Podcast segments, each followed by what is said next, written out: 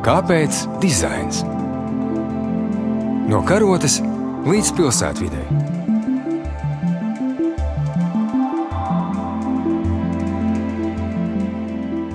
Labdien! Studijā klasika Ilza Martinsone, Latvijas arhitektūras muzeja vadītāja un fotogrāfs Ansis Starks. Labdien! Šodien mēs gribam parunāt par specifisku tēmu, par arhitektūras fotografiju. Jo mēs šodien dzīvojam demokrātijas laikmetā, kas ir forši. Mēs katrs varam būt žurnālists, mēs katrs varam būt rakstnieks un izdot savu grāmatu. Un pilnīgi noteikti mēs katrs jūtamies fotogrāfs. Katram ir telefons, katrs fiksē skaistākās ainavas, savus ēdienus, lepojas ar savām fotografu prasmēm un nepārprotami visu to publicē sociālajos tīklos.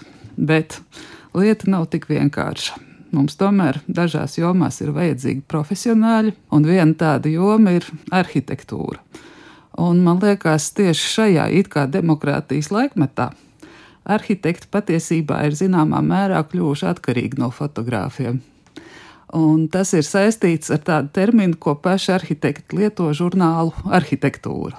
Un tas nozīmē, ka pasaules informāciju mēs iegūstam par pasaules objektiem caur fotografiju. Tieši tāpat notiek starptautiski konkursi, kur starptautiska žūrija vērtē arhitektūras objektus pēc fotografijām. Un fotogrāfam šai ziņā ir milzīga vara. Fotogrāfs var kaut kādu arhitektūras objektu celt vai gremdēt. No viņa meistarības ir atkarīgs, kā šis objekts izskatīsies starptautiskajā telpā. Un var izcelt kādu detaļu, un bieži vien fotogrāfi rada iespaidu par arhitektūras darbiem, nu, daudz izcilāku nekā patiesībā tas ir. Atbraucot uz vietas, dažs speciālists ierauga, ka, o, kontekstā tas izskatās vispār pilnīgi citādāk. Un mēs mūsu mākslas vēsturē maz esam runājuši par šo īpašo žanru, par arhitektūras fotografiju. Kaut gan arī Latvijā tam ir vēsture. Taču šos meistarus neviens praktiski nezina. Jājautā, vai kāds zina tādu vārdu Aleksējs Dogatkins, kas ir bijis arhitektūras fakultātes students 30. gados, strādājis fakultātē kā asistents un tad pat laikā fotografējis izcils arhitektūras bildes kur jau var runāt ne tikai par modernismu arhitektūrā, bet arī par modernismu arhitektūras fotografijā. Tāpat 60. gados ir darbojies Filips Izraelsons, kuru mēs ļoti maz zinām. Viņš 70. emigrēja no Latvijas, bet viņa bildes ir absolūti izcili modernismu arhitektūras paraugi. 30. gados darbojās vēl citi meistari, kā Roberts Johansons, bet ne visus var uzskatīt tieši par arhitektūras fotogrāfiem. Pašlaik populārs ir arhitekta Nikolai Herzberga bildes, viņa arhīvs ir uzradies publiskajā telpā. Patiesībā tas ir ļoti nozīmīgs kultūra vēsturisks dokuments, tomēr īsti par arhitektūras fotografiju mēs tur nevaram runāt. Herzbergs ir tikai fiksējis ēkas, bet nav bildējis to kā arhitektūru. Nu, Latvijā vēl ir izcili meistari pēckara laikā. Laimons Stipnieks, kas bija arī Latvijas Mākslas akadēmijas pasniedzējs, un nedalīts ilgs desmitgadus valdīja Indričs Stūrmans.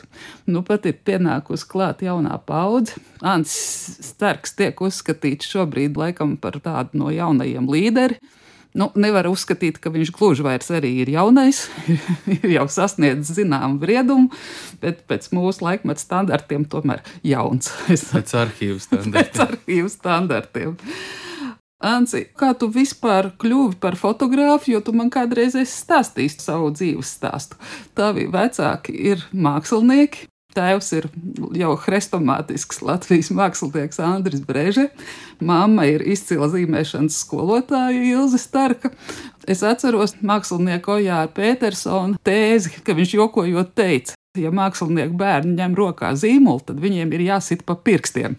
Tas bija joks, bet domājot par to, ka tā mākslinieka dzīve ir diezgan sūra. Un es saprotu, ka vecāki tā arī darīja. Viņi tev virzīja pilnīgi citā virzienā, bet vienalga tas mākslinieka gēns ņēma virsroku, kā tas bija. Jā, apmēram tā sanāca. Nebija tā, ka mani atturētu no mākslas sfēras, bet um, manī pašā arī nebija tik spēcīga tā dzinuļa lai es tur eh, laustos iekšā, un tad es tā ilgu laiku iekšēji nevarēju saprast, kur tad es īsti iedaros. Un tad tomēr tā ļoti, ļoti lēnām un pamazām man pielica, ka tā mākslas joma ir tas, kur es iedaros labāk, un labi arī tas, ka sākumā galīgi neapzinies, ka tā dzīve šādā veidā ir sūra.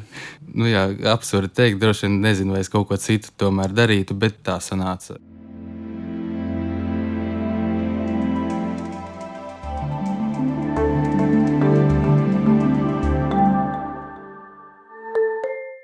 Vai tu no kāda arī mācījies, praktiski vai attālināti?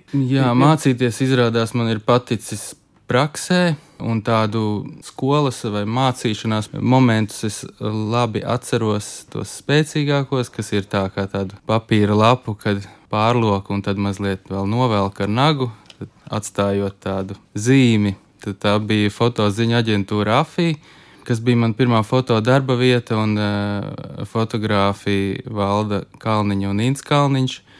Tā bija mana jūtamākā skola profesionālā dzīvē, un uh, no turienes iespējams, lai arī dažam labam šķita, ka ziņu fotoreportāža nav mans uh, lauciņš, tomēr liekas, ka tieši no tāda negluži sava lauciņa pieredze ir ļoti noderīga pēc tam savā lauciņā, jo tā ziņu aģentūra Iespējams, no turienes nāk tāds kondensētais kadrs, tādā ziņā, ka tā maksimāli būtību ietvert, un tāpat arī doma vai spēja saskatīt to būtisko, kas būtu jāparāda.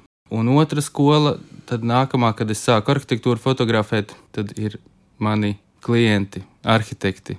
Tie mani māca. Pirmais jau paliek vislabāk prātā, tad arhitekts Zaiga Gaile, Es atceros, ka sākumā bija nesaprašanās, kas tad ir vajadzīgs, kamēr beigās man pieleca arī tāda būtiski noderīga lieta.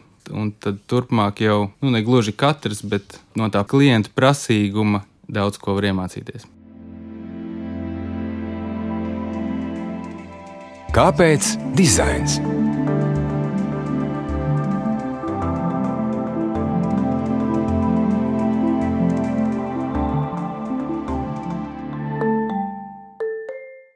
Un kā tu nonāci tieši pie arhitektūras fotografijas, vai tā bija tava apzināta izvēle? Jo nu, patiesībā neviens fotogrāfs jau Latvijā nekad nav varējis izdzīvot tikai no viena žanra. Tev ir bijušas vairākas personāla izstādes, un tās nebūtu nav bijušas arhitektūra, tās ir bijušas portreta izstādes. Bet arhitektūra tev vienkārši tā nejauši sanāca, ievilka tevi, jeb tev no laika gala ir paticis un interesējis. Tā nebija apzināta izvēle, tā bija vilkme apzināta nebija tādā ziņā, ka es vēl neapzinājos, un varbūt līdz šim, līdz galam neapzinos, kas ir tas, kas man patīk. Bet nu, šobrīd jau es tā daļēji varu noformulēt, ka fotografējot arhitektūru, tas ļauj man izpausties attēlā, kā plaknē, tādās laukumu un līniju geometrijā. Kas nav vai mazāk sastopams citās jomās, dabas fotografijā vai portretā. Tur ir cita grafika, bet uh, telpiskums un vēl tas, ka es to varu ne tikai redzēt un attēlot, bet arī tādā ķermeniskā mērogā piedzīvot un piedalīties. Līdz ar to es neesmu aizrāvies ar maketu fotografēšanu, jo tur var tikai ar aci redzēt un iztēloties, bet tur nav tās ķermeniski telpiskās pieredzes. Klātbūtnes sajūtas. Un šai sakarā tieši par arhitektūras fotografiju tev ir kaut kādas pasaules autoritātes, vai ko tu uzskati par savām autoritātēm Latvijā, jo tu esi ļoti brīvs no. no... Fotogrāfijas jomā es esmu brīvs no autoritātēm. Fotogrāfijā man tāpat šķiet interesanti iedvesmoties no citām jomām un citu jomu autoritātēm. Fotogrāfijā pārāk arī neaizraujos ar pētīšanu bet ik pa laikam uzrādās kādi citi autori, ko ir interesanti paskatīties. Šobrīd tie saucās Boys Play Nice, kas ir duo, vai varbūt viņi ir vairāki no Čehijas. Viņiem bija ļoti interesants fotografijas. Vēl es gribēju pajautāt par tehnisku lietu. Visos laikos fotogrāfi, īpaši arhitektūrā, ir bijuši atkarīgi no tehnikas progresa, jo arhitektūra ir ļoti specifiska lieta, kā viņu iedabūt kadrā. Es zinu, ka padomju laiku tehnikas nepietiekamības laikos Lemons Stipnieks pats konstruēja objektīvus un izmantoja aviācijas tehniku. Nu, šodien, laikam, pasaule piedāvā visu, ko, ieskaitot dronus. Kā tas ir tavā pieredzē? Cik tālu tu jūties atkarīgs no tehnikas, un kā tev ir izdevies iegūt? Tas viss ir drausmīgi dārgi. Tehnika joprojām ir ierobežojoša. Un eh, šobrīd, lai fotografētu arhitektūru, var sākt ar to, kas nav dārgi, tad var turpināt ar kaut ko, kas ir dārgāks. Līdz drausmīgi dārgi es neesmu ticis, iespējams, Latvijas mēroga dēļ, bet konkurēt sanāk ar telefoniem. Jo attēla tādu mirklīgu iespaidu daudz ātrāk un daudz vieglāk ir dabūt ar telefonu. Arī pats process ir ļoti ātrs un ļoti viegls un intuitīvs jebkura cita tehnika katru darbību paildzina, apgrūtina. Un uh, reizēm tāda sajūta, ka sanāk dzīties stundām ilgi pēc telefona bildes radītā iespaida, bet tomēr nav vēl gluži tā, ka gribētos pāriet uz telefonu. Tā kā ir kaut kas, tomēr, kādēļ ir vērts cīnīties ar to tehniku.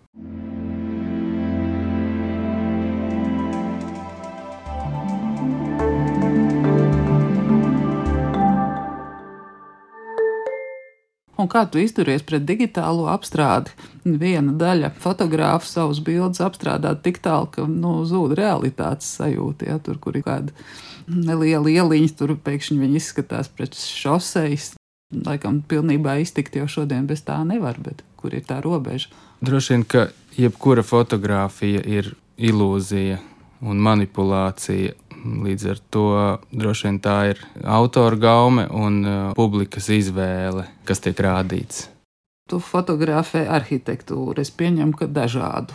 Droši vien, ka tev ir arī personiska attieksme pret kādu būvi. Tev viņa patīk vai nepatīk. Tas tavu darbu ietekmē. Jā, par šo man bija iespēja padomāt, un es sapratu, ka mana attieksme, tāpat kā mana attieksme pret būvi vai būvis autoru vai vēl visādas citas cilvēciskas īpašības, protams, ka piemīt un tās ietekmē darbu, bet eh, ne rezultāta kvalitāti. Un šķiet, ka rezultāta kvalitāte, pēc kā es tiecos, tās ir tādas kā dzirnavas, kurās visas pieminētās lietas tiek samaltas un transformētas un tāda ieaužas audumā jau tādā mainītā veidā. Daudz kas tiek piedzīvots darba procesā, bet tas ir tikai kā process. Jā, nu man personīgā pieredze kā rakstītājai par arhitektūru ir šai ziņā interesanta, ka reizēm man izdodas labākie raksti tieši par to, kas man nepatīk. tāpēc es tev šādu jautājumu uzdevu. Jā, tā arī ir bijis, tāpēc tie varianti ir tik daudz, ka man likās šī atbilde kā labākais kopsavilkums, jo to nevar īsti saprast, kas ko ietekmē un kāds rezultāts no tā rodas. Kāpēc dizains?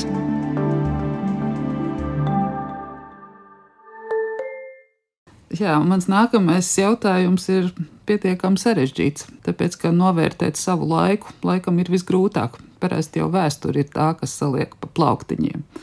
Bet es tik un tā mēģināšu jautāt, vai šodien ir kaut kāda specifika, stils, mode arhitektūras fotografijā jo mans lauciņš ir arhitektūras modernismu vēsture, un es pilnīgi skaidri redzu, ka var runāt par arhitektūras modernismu fotografiju, kāda paņēmiena tiek izmantot. Ja tur strauji savērsti rakursi un no apakšas kaut kas negaidīts, un strauji aiziet ēka perspektīvā, tāda ļoti liela dinamika. Nu, Vai šodien vispār par kaut ko tādu var runāt? Mūsu laiks ir tik eklektisks, mēs pieņemam vis visādus virzienus no pagātnes, no šodienas.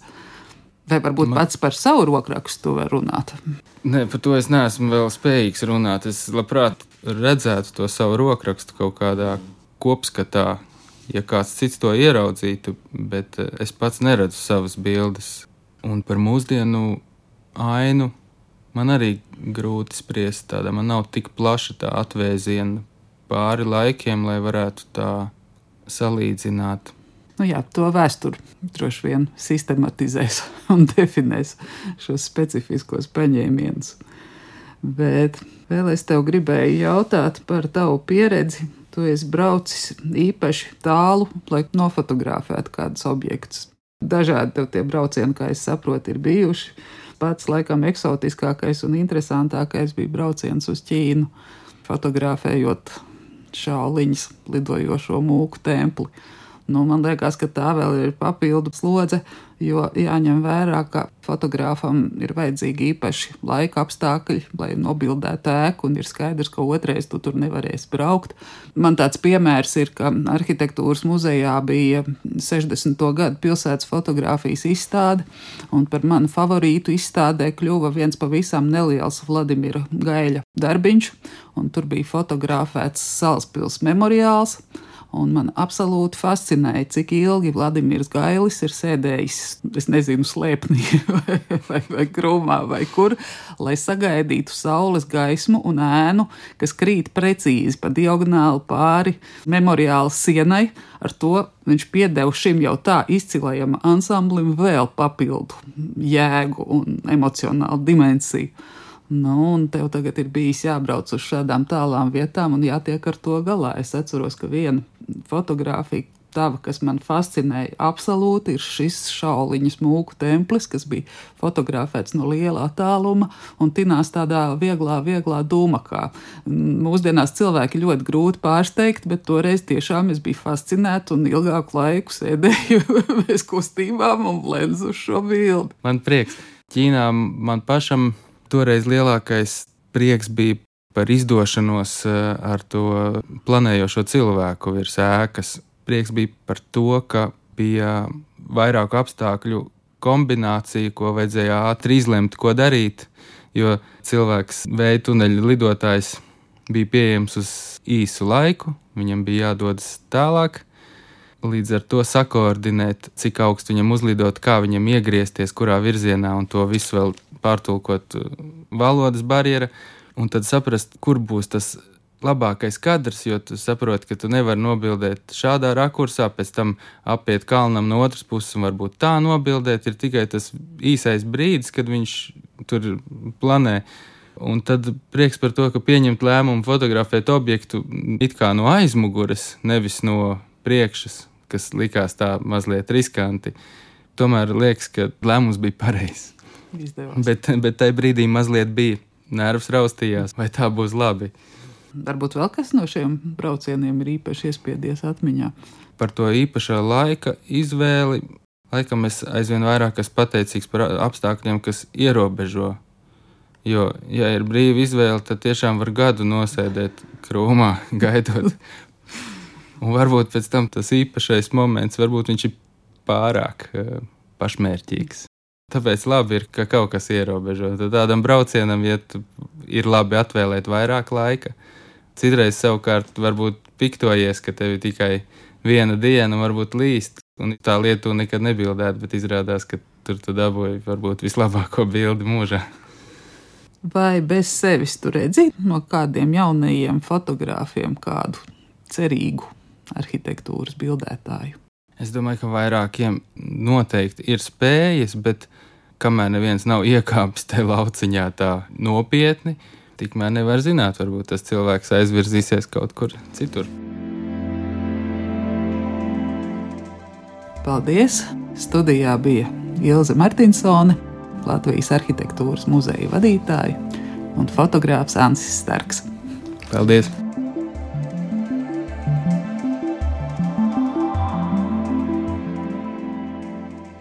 Kāpēc dizains? No karotes līdz pilsētvidē. Pirmdien, 9.5.